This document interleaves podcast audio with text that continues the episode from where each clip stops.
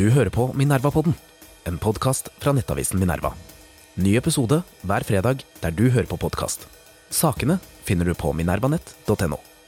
Hei og velkommen til Minerva-podden. Mitt navn er Nils August Andresen. Jeg er ansvarlig redaktør i Minerva. Med meg i dag har jeg to eminente gjester. Gaute Brochmann, redaktør for arkitektur. Ikke all arkitektur, men, men Fagbladet arkitektur. Korrekt. Velkommen. Og en gjest til, Alexander Ibsen. Du er idéredaktør for Minerva. Og du er også i Høyres stortingsgruppe. Eh, Vi skal snakke om en artikkel som du har skrevet, Gaute. eh, Om arkitekturopprøret, som du skrev i Morgenbladet forrige uke. Gratulerer, dere har vunnet.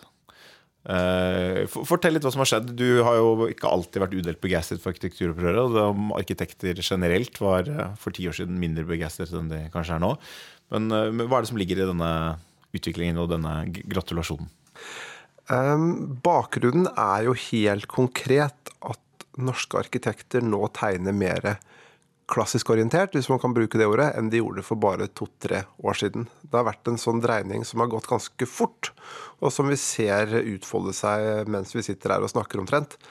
Hvor man for bare et par år siden hadde la oss si, to-tre prosjekter man kunne kalle noenlunde klassiske, nede i Fredrikstad f.eks., som het Nygårdsplassen.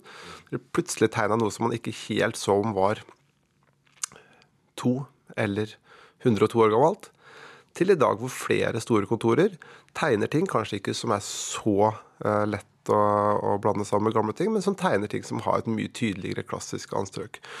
Og det som var den konkrete bakgrunnen for den artikkelen jeg skrev der, det var at øh, arkitekturopprøret, i hvert fall noen sentrale medlemmer der, har startet et eiendomsselskap. De har uh, kjøpt en uh, relativt falleferdig bygning i Drammen som de skal sette i stand. Og så fikk jeg se planene, eller det som var sendt inn til kommunen der, som plutselig fremstår som veldig lite radikalt. Altså det er ikke noen søyler eller volutter eller dragehoder der. Det er ganske sånn plaint. Og så ser man tradisjonelle arkitektkontorer, som arkitekturopprøret før har kritisert. De tegner ting som er mer tradisjonelt. Og når da resten av feltet på en måte har tatt dem igjen, så kan du si at ja, det er noen særtilfeller her, og det er alltid noen lokale ting og sånne ting. Men som en sånn tendens så ser det plutselig ut som resten av arkitekturfeltet, og med dem da utbyggerne, veldig viktig, de som bestiller disse tingene her, har på en måte tatt dem igjen litt. Og da kan man si at hvis det skjer, og arkitekturopprøret starter som eiendomsutviklere, og så tegner de mindre klassisk enn resten av feltet, det må være det ultimate målet på en triumf. Da har de hatt fullt gjennomslag for sine ideer. Men det er jo veldig interessant. eh, Alexander Ibsen, du eh, skrev jo en bok sammen med Kristoffer Rodlund eh, om arkitektur som kom ut i 2012. eh, som på en måte gikk litt til rette med deler av modernismen eh, og ønsket mer tradisjonelle eh, byggestiler og estetiske uttrykk. Og den boken fikk ganske hard medfart. Fortell litt om, om din opplevelse og hvordan det så ut den gangen. Ja, altså å si at eh, den gikk i rette med, er kanskje til og med å, å uttale litt, sånn, eh, litt snilt. da. Det var jo et slags kampskrift, egentlig. og eh, det, er- en sånn bok som det er veldig gøy å ha skrevet, men det var ikke så gøy å skrive, eller å gi den ut. Eh, litt fordi du sier den kritikken. Noe av det var veldig berettiget, skal jeg jo kunne si etterpå. Pluss at årene har gått, og jeg har blitt litt eh, rundere i kanten og ser at det fins jo noe fint som er bygget etter 1940 også, eh, og som, eh, som ikke er tradisjonelt som sådan. Eh, Men boken var, var et, eh, et forsøk på å si at nå har eh, arkitekturen er på ville veier, og har vært det lenge. Det har vært det siden eh, 30-tallet. Eh, Og at det er pga. en bygningsideologi som vi kaller modernisme. Og så prøvde vi å, i boken å argumentere for at det var ikke for sent å snu. Det går an å bygge tradisjonelt. Det er ikke noe metafysisk ved tidsånden som gjør at vi må ha betong og brutalisme og boksform og osv. Typisk at eh, en del eh, Jeg holdt på å si vanlige folk. Det er jo, eh, det er jo begrep i tiden, det. Eh, kan Tenker være, på Jonas Gahr Støre, eller? jeg tenker, mange gjør krav på vanlige folk, men eh, var mer enig enn en eh, fagfolk.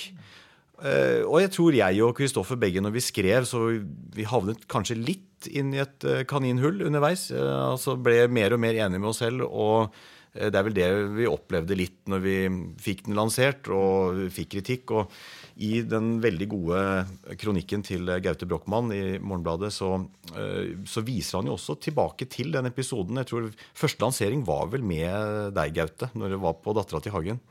Eh, Den er, den, den er jo ikke foreviget, eller noe sånt nå, men var, jeg synes det var helt grusomt å sitte der med rektor for Arkitekthøgskolen og leder i plan- og, og bygningsetaten og sto alene. Jeg- Altså, Gaute forsøkte jo å slenge ut noen halmstrå underveis, sånn at jeg skulle få redde meg, men jeg fikk jo høre at dette her, her hadde jeg tatt meg vann over hodet. Men, men nå er du, nå er du altfor mild og selvkritisk, Alexander, så nå må, vi, nå må du få litt sånn peptalk fra, fra sidelinjen her. Altså, Gaute, det blir en utfordring til deg, men er ikke realiteten egentlig at ok, dette et polemisk skrift, gikk litt for langt, det avfeide kanskje litt for mye, men i bunn og grunn så jo den, tok jo denne boken opp det som ble et poeng for arkitekturopprøret, og som nå da har fått større gjennomslag, at deler av arkitekturen har vært på ville veier, og en veldig stor andel av befolkningen har ikke likt denne arkitekturen. Og det ble, ble møtt med hoderysting blant arkitekter, som mente at kritikerne var kunnskapsløse og ikke skjønte hvor fantastisk det var med brutalisme og Erling Viksjø og forskjellige ting. Uten å gå inn i en lang debatt om Erling Viksjø. Eh, Men altså at man hadde denne Man hadde en arrogant ovenfra og ned-holdning som eh, på et eller annet tidspunkt nå ganske plutselig og ganske raskt har endret seg. Og, og du beskrev hva som har skjedd, men hva føler du, hva føler du selv om denne utviklingen? Og er, det, er det bra at arkitekturopprøret har fått en del gjennomslag? Er det, og hva, hva skyldes det at man var så nedlatende da denne type tanke ble lansert for ti år siden? Ja, her er det mange, mange spørsmål. Jeg kan svare kort på det ene. Altså, At arkitekturopprøret har kommet, at det er bra, det kan jeg svare ja på. Supert. Eh, Nesten uavhengig av om man er for eller mot, så er det at man har noen som tenker kritisk og utfordrer eh, ikke bare arkitektfag, men også byggebransjen, eiendomsbransjen. eh, Superbra. Udelt positivt. Og så er det viktig å nyansere litt. fordi at selv om arkitekturopprøret nå har fått et stort gjennomslag, man litt polemisk sett kan si at det er vunnet, så er det jo ikke sånn at nordmenn misliker moderne arkitektur. Det er kjempeviktig å si. Um, Du kan se på ferdighusprodusenter, f.eks. De selger omtrent 50-50 av nyfunkis, som ikke jeg liker, og helklassiske ting. Hvis du ser på interiørene hjemme hos folk, så er det stort sett eh, moderne. Det er veldig få som har, eh, har eh, fløyelstrekk på stolene sine, eller tunge gardiner eller teppegulv og sånne 80-talls, eh, 1880-tallsinteriører. Og så så jeg også nå nylig, når Erling Viksjø, siden du nevner han, når hans hus, Trekantblokka, der juridisk fakultet holdt til før, når den ble satt i stand, så ble det gjort uten å pynte på den i det hele tatt. Og den ble solgt, og solgt godt, som et modernistisk mesterverk. Og da er det ikke arkitektene som syns det er fint, da er det eh, markedet. Altså vanlige kontorleietagere syns det er helt topp å bo i det huset. Sånn at det er viktig å si at det er ikke helt enten-eller. Men det som er arkitekturopprørets store eh, skal man si, altså forse, gevinst, det de har gjort veldig bra, som jeg gir full tilslutning til, er at man har klart å eh, utfordre det som på en måte er et dogme, som går på at ting må være på en bestemt måte, og attpåtil på en måte som da har vært eh, resultert i mye dårlig byggeri. da.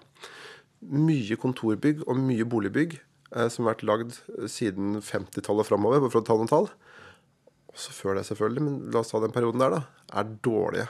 Og det er mange arkitekter enig i, men de har ikke klart å koble det sammen med en stilretning. eller noe sånt. De har sagt at det er liksom uh, markedets skyld, det er utbyggers skyld, det er politiske systemers skyld. Masse faktorer, og det er også til en viss grad riktig. Men de har ikke helt vært bevisst den ideologiske komponenten som de selv kommer inn i dette her med. Og så er det også viktig å si til slutt, da, før Alexander får ordet igjen, det er at der arkitekturopprøret tar feil, tror jeg, det er der de tror at arkeolo arkeologer, arkitekter er ideologisk forankra i en modernisme alle sammen, og vil tegne modernistisk, at de tror på det. Det er nok feil. De aller fleste er i stand til å tegne begge deler og trives med begge deler. og Det ser vi jo nå når de kaster seg rundt og plutselig begynner å tegne mer klassiske ting. Så er ikke det sånn at de sitter og svelger masse kameler og har vondt inni seg og tenker at dette her, eh, nå går jeg mot min egen religion. Dette her er som å banne i kirka. De trives egentlig med å kunne tegne Men begge deler. hvorfor har, de ikke, hvorfor har man ikke gjort det? Det er ikke sant? Kjempegodt spørsmål. Og da kan vi begynne å se på hegemonier og dogmer og mangel på utfordring utenfra. Eh, Det er liksom én ting. Og nå føler jeg at jeg risikerer jeg å gå inn i et langt, langt argument her, da, som er sånn selve hovedargumentet rundt dette her. Men det har jo med samfunnet som sådan å gjøre. Og da må man spørre seg hva er modernismen for noe, da? Og hvordan så verden ut når du ga ut den boka di? Det var liksom før Trump, det var før brexit. Det var fortsatt en ganske sånn sterk tro på at Oslo skulle være en internasjonal by mer enn en lokal by. Ideen om et sånt glansa bysentrum som var del av et internasjonalt nettverk, sto ganske sterkt hos mange. altså Det var en sånn stor tanke. Mens nå, da, siden den gangen, så er det lokale og tradisjoner og eh, bærekraft selvfølgelig etter hvert, mange sånne samfunnsmessige faktorer slått mye sterkere inn. Og da er det på en måte mer naturlig med en tradisjonell arkitektur òg. Så det er liksom, men dette her er jo den store og liksom kompliserte tingen å snakke om. Du, du nevner Trump. Jeg vil ta, ta frem et litt annet aspekt til det. Det var jo en kommentar av eh, Nazneen Khan Østrem i Aftenposten uh, i går, som i og for seg var ganske balansert, men litt uheldig tittel, som førte til uh, rabalder i sosiale medier. Men hvor hun trekker, noen, trekker noen paralleller mellom Donald Trump og arkitekturopprøret som jo er helt kokelig munk i en viss forstand. Men Eh, et interessant aspekt er jo sånn, hvorfor er det personer som Donald Trump som da kom med et forslag om at alle føderale bygninger skulle bygges i klassisk stil. Um, at personer som ham både blir frontkjempere for disse tingene. For sånn har det på en måte vært. At det har vært reaksjonære krefter i en viss forstand. Det er, det er eh, daværende prins Charles, eh, nå kong Carl, er det det vi skal kalle ham? Kong Charles, som Han har tatt til orde for dette her. Noen, noen mer sånn reaksjonære Tories borti England som har har frontet det, men det blir populister og sånn som har frontet det. Og, og, det er jo ganske absurd. Du sa at ja, folk liker i og for seg begge deler, og hvis de får en sånn, litt sånn mild nyfunkis, så, så kan det sikkert bli 50-50. Men masse undersøkelser som viser at et stort flertall av befolkningen foretrekker et klassisk byrom fremfor et modernistisk byrom. Og så har man på en klart å det er dette hegemoniet som du snakker om, man har på en klart å presse moderate mennesker fra å mene det. De har enten holdt kjeft, eller de har paid lip service til modernismen og sagt at nettopp sånn, jeg er jo et moderne menneske. Jeg selvfølgelig vil ha modernisme. Og det er jo sånn, det å overlate det rommet til, til populister som Trump, eller, eller rabulister som deg, Alexander. Altså, hva, hva, tenker du om dette? Altså jeg ble når Rett før altså Trump som vi viser til, han eh, utstedte jo da en presidentordre om at offentlige bygninger skulle oppføres i tradisjonell eh, stil. I god eh, Washington on the Potomac-stil i, i, hele USA. Uh, før det så var det også en del det, uh, og Gaute viste jo til det den perioden der. altså sånn Etter 2016 så var det jo en populismepanikk i, i Vesten. Og jeg som er glad i mine greske søyler, jeg ble jo litt bekymret når jeg så at diverse alt-rightere og andre sånne nettroll drev og Eh, snakket om å rive operaen i Sydney og, og sette opp noe mer tradd og osv. Men det ble liksom ikke den store ideologiske krigen av det. Lurt litt på hvorfor de ikke gjorde det. Kanskje det er fordi det alltid har vært en arkitektur debatt. Mens debatter om eh, nye spørsmål som kjønnsnøytrale toaletter og sånn er nye. da. At, det, at, flere kaster seg på det, mens den, den, arkitekturdebatten er litt for gammel. Ikke spennende nok, et eller annet sånt. Men det skjedde i hvert fall ikke. Det, det ble ikke den, den, store diskusjonen og kulturkrigen om det som, som, jeg så for meg selv. Husker Jeg var på et sånn Jeg blir jo av og til innkalt til å holde noen sånne små foredrag i små, små settinger eh, om, eh, om, eh, boken etter at den kom ut. og i Engelsberg, et sånt Intbau, et, et, konferanselokale viet til tradisjonell arkitektur. Og det tror jeg var i 2017. Da var, da, da var det min store bekymring for at nå kommer populismepanikken til å gripe om, om, arkitektur. Men det skjedde altså ikke helt. Og godt er vel det. En alternativ take på akkurat det Alex, det kan jo være at uh, omtrent samtidig som dette på en seg kunne skjedd, i Norge hvor det har vært en stor debatt om dette, så har man på en måte sett at eliten da begynte å justere seg ganske fort. og det er Et eksempel på det er at uh, hvis du tenker sånn, hva er den, den rake motpolen til, til, Trump Nå håper jeg ikke jeg smigrer for mye når jeg skal si navnet, men uh, Eivind Tredal, MDG, tidligere kjent som et meget politisk korrekt nettroll nå noe moderert. Uh, men eh, han har jo på vært en som har kommet arkitekturopprøret litt i møte. ikke sant? Og at man i stedet for å gå i den klinsjen som ville gitt personer som Trump egentlig ganske gode kort på hånden ved å appellere til noe som ville vært relativt populært. Så kom man litt i møte. Det var, det var, på en måte ikke noe mer kampkraft igjen til å si nå tar vi den kampen. Og det kan være litt, litt som du sier, sånne store trender at her går man eh, i mer lokal retning, bort fra denne Richard Florida-aktige by uh, interconnected cities. Men uh, det, det kan, kan, også være en litt frykt for nettopp den populismekrasjen, kanskje. Man må jo huske på at liksom, arkitektur, som alle andre kulturuttrykk, er jo på en måte et symptom av hvordan samfunnet er. Uh, fordi at det handler ikke bare om hva folk tegner, men hva folk da omfavner og løfter fram, og hva, hva, hva andre aktører også, også liker. Um, og så er det klart at uh, Hvis man da ser den der Trump-tesen i et litt større historisk perspektiv, så er det jo flere som har lurt på hvis f.eks. Mussolini og Hitler bare hadde forfektet moderne arkitektur, uh, hvordan hadde det sett ut etter 1950 da? For at de ga jo, ga jo alle former for tradisjonell arkitektur og tradisjonell byggeskikk et ekstremt dårlig rykte uh, i, løpet av, i, løpet av, krigen og, og årene før. Men igjen da, så er det jo sånn at de også hadde jo en sånn tilbakeskuende nasjonalistisk måte å tenke på som, som, da var lite forenlig med moderne verdier, og så ble verden mer moderne etterpå. Og det er kanskje først nå, da, det tar lang tid, først nå at man kan se for seg Nå kaller vi det lokalt. Eh, vi kaller det å ta vare på eh, lokale miljøer. og om ikke nasjonalisme, så i hvert fall hegne om det nære og ikke se langt utover hele tiden, sånn som man gjorde for bare 10-15 år siden. Og da kommer den derre mer tradisjonsorientert arkitekturen snikende også som et mer spiselig uttrykk. Så det henger på en måte sammen med samfunnsstrømningene for øvrig. Og så er det jo en sånn kjempefaktor som også må nevnes her, som det er alt som har med bærekraft å gjøre, som gjør at det handler om arkitekturopprøret. Eh, og den mulige populariteten går hånd i hånd med at vi er nødt til å ta vare på de husene som allerede står der. Og mange av dem er såpass gamle at de er klassiske. Så da får de en, og og førmoderne. Så da får de også en renessanse gjennom det, rett og slett.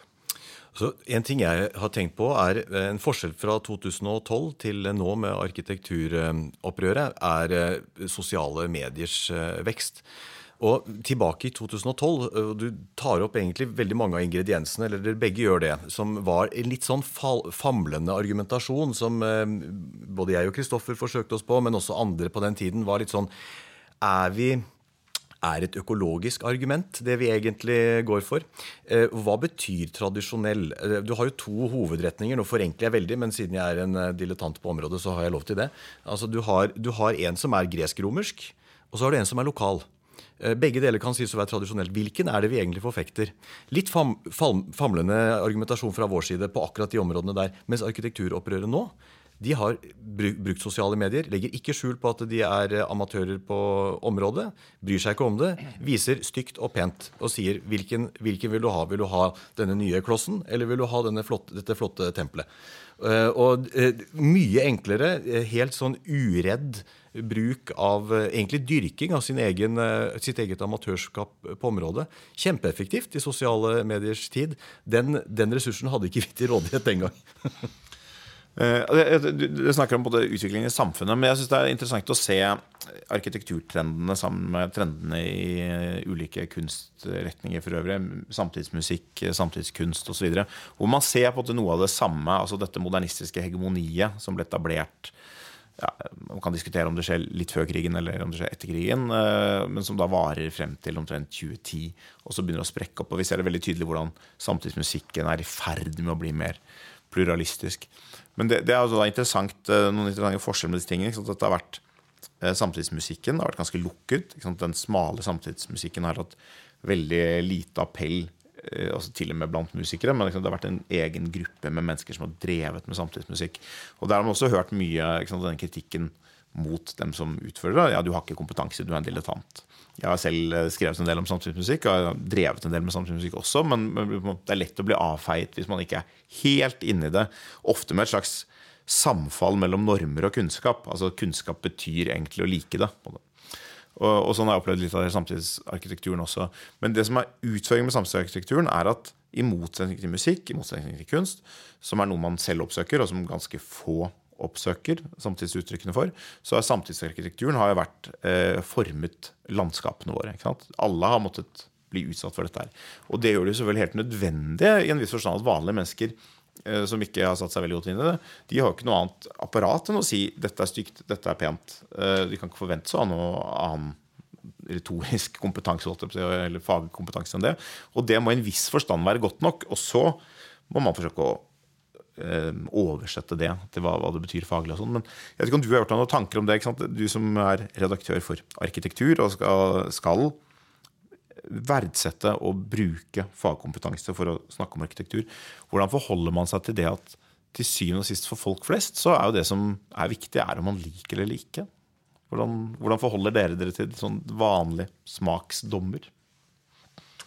Nei, Det der er jo det er store og gode spørsmål som man baler med hele tiden. og du kan jo si at Det man får inntrykk av, er jo at nesten all moderne kultur, i større grad enn klassisk kultur, er det man kaller acquired taste. Du må kunne litt for å verdsette det. Det er som uh, gorgonzola og ansjos. Uh, acquired taste, whisky, sigarer. Du må smake litt på det og være litt interessert i det før du virkelig begynner å like det. Og så kan du virkelig like det og så skjønne at dette her er bedre enn cola eller, uh, eller tyggegummi. Så det at, at den terskelen Og så vet jo ikke jeg, da, om det var sånn på, på 1800-tallet også, at folk som var bønder og kom ned til Oslo fra Gudbrandsdalen, så det vi tenker på klassisk allmenngyldig smak i dag, og sammenligna det med sine bomiljøer og tenkte at dette her var ikke noe for dem, og at de også måtte kultiveres. Dette her vet jeg ikke. Men at det har vært sånn at, at, at man har hatt en acquired taste innen arkitektur, og at det på en, en viss grad også har vært en sånn ikke, en, ikke en, noe man dyrker, men noe man ikke har forsøkt å unngå, i hvert fall, gjennom utdanningen. At man da liksom kultiverer sin egen arkitektursmak og får en mer sofistikert smak før du begynner å, å arbeide som arkitekt. Det, den mekanismen har helt sikkert vært til stede der også. Eh, kanskje mindre sterk i min tid enn det var på 50-60-tallet, hvor du da, hvis du leser i mitt, uh, mitt tidsskrift, da, så sier jo arkitektene rett ut at beboernes forhold til huset deres er det samme som eh, passasjeren på et fly. De trenger ikke å kunne eller vite noe som helst. De kan bare sette seg ned, slappe av, og så tar fagfolk seg av resten. Når det gjelder utforming eller praktiske funksjoner eller sånne ting, dette gjaldt da drabantbyene.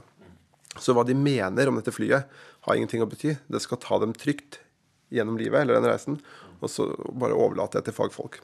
Eh, og den holdningen, den var sterk den gangen, eh, på, på 50-60-tallet. Og den har blitt mye mildere. sånn at liksom, Det er ikke sånn at brukermedvirkning f.eks. har kommet med arkitekturopprøret. Du kan si at det har akselerert det litt, men det har også vært til stede uh, før. Sånn at um, skal man si, det, det, er ikke en sånn helt sort-hvitt verden. Uh, hvor, uh, hvor, det enten er det ene eller det andre. Men uh, ja. Jeg tenker at det er noe som utdanningsinstitusjoner må være ekstremt opptatt av en viss forstand. fordi vi, hvis det er én ting vi fortsatt Den faglige kunnskapen er ganske lav. Hva er egentlig smak? Hva er egentlig estetiske preferanser? Og for I musikken så tenker jeg sånn altså Jeg tenker ikke at samtidsmusikken er estetisk mer avansert i en viss forstand. Eller i hvert fall i den forstand at det er ikke, det er ikke nødvendigvis noe høyere kvalitet på den musikken enn det er på på Bach eller på liksom, den, den, type ting. Men, men, det er en annen estetikk. Og man som sier, man må, for å verdsette må man som et minimum sosialisere seg. Jeg er ikke sikker på om det er, alltid er nok heller. Men, eh, men eh, i en viss forstand er det kvalitetsmessig likegyldig hvilken estetikk en kunstner arbeider innenfor. Eh, i utgangspunktet i hvert fall. kan finnes noen begrensninger der, Men i utgangspunktet er det det. Det som er veldig dumt, er om kunstnerne da velger å bruke all sin energi, alt sitt skapende talent, innenfor estetikk som per definisjon nesten ikke vil ha evnen til å kommunisere med folk flest. Eh, for da har man på en måte bare kastet det bort. Og det, og det blir jo litt sånn Sammenlignen da, som noe som jeg kunne tenke meg å gjøre mot arkitekter for å liksom vise dem hva, det, hva, de har gjort mot folk flest. Det vil være å gå på alle utestedene de frekventerer, og så kommer det en ny regel om at utestedene har bare lov til å spille ligeti. Ingenting annet. Og så kan de si ja, men vi vil spille høykvalitet liksom popmusikk. Nei, nei, men popmusikk er uansett Det er uansett et tradisjonalistisk uttrykk som liksom den debatten som har vært, kan man bygge Vi må jo kunne bygge nytt uten å kunne bygge i historisk historistisk stil. Det var et utsagn fra noen byantikvar eller noe sånt i, den debatten som har gått de siste par årene. Og det er sånn, Hvis man hadde sagt det eh, om popmusikken, da, og hadde tvunget gjennom samtidsmusikernes estetiske preferanser i form av liksom Ligeti eller John Cage eller noen annen, så tror jeg mange ville fått en litt dårligere opplevelse av å gå på byen på lørdagskvelden. Uh, om de var aldri så avanserte innenfor uh, arkitekturen. Så det er, liksom, det er, et eller annet med hva hva innebærer det å utsette noen andre for sin egen estetikk? Eh, det, det er en sånn debatt som, som kanskje arkitekturopprøret har fått tydelig frem. Også fordi arkitekturopprøret selv er jo ganske uhemmet da, i sånn nå skal det bli sånn. Og det kan jo bli litt mye av det gode iblant, hvor, hvor selv litt, sånn lett konservative som oss kan føle at ok, nå var det kanskje litt i overkant med, med kitsch eh, på én gang. Det må spres litt utover. Um, så man må være liksom litt varsom med å dytte frem sin egen estetikk på det som alle skal ta del i. Det er jo eh, medlemmer fra bl.a. Erik Norin i det svenske arkitekturopp... Eh, da heter det vel ikke Opprøret, men eh, det er Oppropet, som var rollemodell for det norske. Et par år før startet det. Erik Norin, tradisjonell arkitekt selv. Han har jo et poeng om at den største trusselen mot tradisjonell arkitektur er dårlig tradisjonell arkitektur. Så viser han litt tilbake til sånn 80- og 90-tallet, hvor det var litt forsøksvis eklektisk, postmoderne, en del forsøk. Men alt var litt sånn tang tongue in cheek, da. Eh, jeg har sett en, eh, husker, Du kanskje husker det, Gaute, på, på, i farten ved denne skyskraperen i New York som har noen sånne kanyler på toppen. Altså, det, er jo, det er jo ren lek, egentlig. Men sånn som han mener, da Får du dette hvis dette er svaret på arkitektopprøret, da vil folk si at dette er egentlig en dårlig idé. Da, da vil man tilbake til høykvalitetsmodernisme. Og jeg tror det er et poeng òg. Eh, altså, dårlig tradd er, er, en trussel mot god tradd. Men la oss snakke litt om fremtiden. Altså hva, Hvis arkitekturopprøret nå har vunnet frem i den forstand, og det tror du har rett at nå, nå kan arkitektkontorene eh, de kan nå inkorporere mer, flere klassiske elementer. Eh, og så er spørsmålet hva er da fremtiden for arkitekturen? Kommer vi til å se eh, mer rene tradisjonalistiske ting? Har vi noen modeller for hva, hva, hva er det dette betyr, egentlig? Altså Klarer vi å gjøre det og unngå at det blir kitsch på en måte som gjør at plutselig et stort, en stor andel befolkning er sånn Nei, det var ikke dette vi ville ha. Dette så jo bare billig ut, liksom. Altså, hva er fremtiden? Hva, er du optimist? Er du positiv? Er du skremt? Det jeg kan si, er at nesten alltid når det er en sånn idébrytningsfase som det er nå, så er det en god ting. For da må både arkitekter og ikke minst de som bestiller og kjøper arkitekturen, strekke seg litt ekstra og bruke litt ekstra penger for å overbevise om at de gjør de riktige tingene. Sånn at det man ser av forslag på eh, klassiske arkitektprosjekter nå, de ser ganske bra ut. Og det er også utbyggere, om det da er liksom Bane Nor Eiendom eller om det er eh, en eller annen privat utvikler, så ser du at de legger litt ekstra i det for å overbevise om at dette her er riktig å gjøre. Det ser ganske fint ut og påkasta ut. Det er bra det er da Bane Nor bruker både penger og energi, da. Ikke sant, for eksempel. Og så er jo da spørsmålet om, om, om det da er sånn at, uh, om at det kommer til å vare. Men det, det, som er viktig, er på en måte det som alle arkitekter også sier, og som er den liksom kjedelige, kjedelige sannheten her, er jo at hvis man bruker god tid, mye ressurser og flinke arkitekter, så får man bra prosjekter, om de så er Eh, klassiske, eller har et mer moderne uttrykk. Og jeg er jo sånn at jeg syns jo også at selv om det er bygd mye kjedelig moderne arkitektur, så er det mange steder at det passer best også. Liksom I min hjemby Lillehammer, når Snøhetta bygde på, bygde på kinoen eh, der med et kunstmuseum, har jeg stått, stått på Stortorget og tenkt hadde jeg likt det bedre hvis det var en mursteinsbygning? Nei. Det er en fritt forma organisk trebygging. Og det er finere. Og det funker i en tradisjonell by som Lillehammer også. Og det er fordi at dette her var rett før OL. De hadde mye penger, høyt ambisjonsnivå. Alle ville gjøre noe bra. Så det er på en måte det viktigste. Viktigere enn stilen, ofte. Og så kan du si da at det var riktig der. Eh, og hva er nøkkelen på når det er riktig med klassisk eller moderne? Jeg syns i etablerte bymiljøer, sånn som Oslo, så er klassiske ting ser ofte finere ut enn moderne ting. Kontinuitet ser finere ut enn brudd og kontrast syns jeg.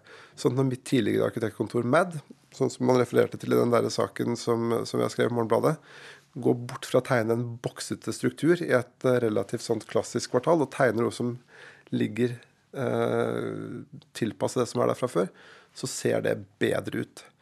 Sånn at man nå går bort fra da, en sånn der brudd og diskontinuitetstenking i byarkitektur. For det har vært veldig fremtredende at det må signalisere et brudd. Nemlig. Ja. Mm. Og at man liksom kan ta ned den og si at de stedene hvor det, er, hvor det er et fint miljø fra før, det går an å bygge videre, så gjør man det. tenker jeg er riktig. Mens andre ganger, da. Vi var på Bornholm, f.eks., en øy utafor Sverige, hvor de har et digert slott. Og så har de bygd et besøkssenter. Så tenkte jeg da jeg sto der, hadde de bygd det i borgstil, så hadde det også sett helt rart ut. Eh, her har vi en borg fra 1300-tallet, og så skal vi liksom bygge en liten liksom-borg fra 2020-tallet. Hadde sett rart ut. Og det er liksom landskapstilpassa, men dønn moderne. Og det ser riktig ut. Så det er liksom det kjedelige svaret at man må på en måte ta hver situasjon på alvor, og så finne ut hva om det ene eller andre er riktig. Men da, hvis man skal si noe om framtiden, bortsett fra at det er bærekraft som kommer til å trumfe absolutt alt annet eh, her også, eh, så er det jo at jeg tror i etablerte bymiljøer, sånn som Oslo, så kommer det i mye større grad til å være tenkt kontinuitet og tilpassing enn brudd. Det er liksom en sånn kjempe Litt sånn før og etter da, med arkitekturopprøret. Litt synd at vi har brukt 40 milliarder kroner på å bygge ut vannkanten med signalbygg rett før dette skjedde, da. Men sånn, sånn er livet. Aleksander, er du optimist eller pessimist? Eh, nei, jeg er vel alltid forsiktig pessimist eh, i det meste.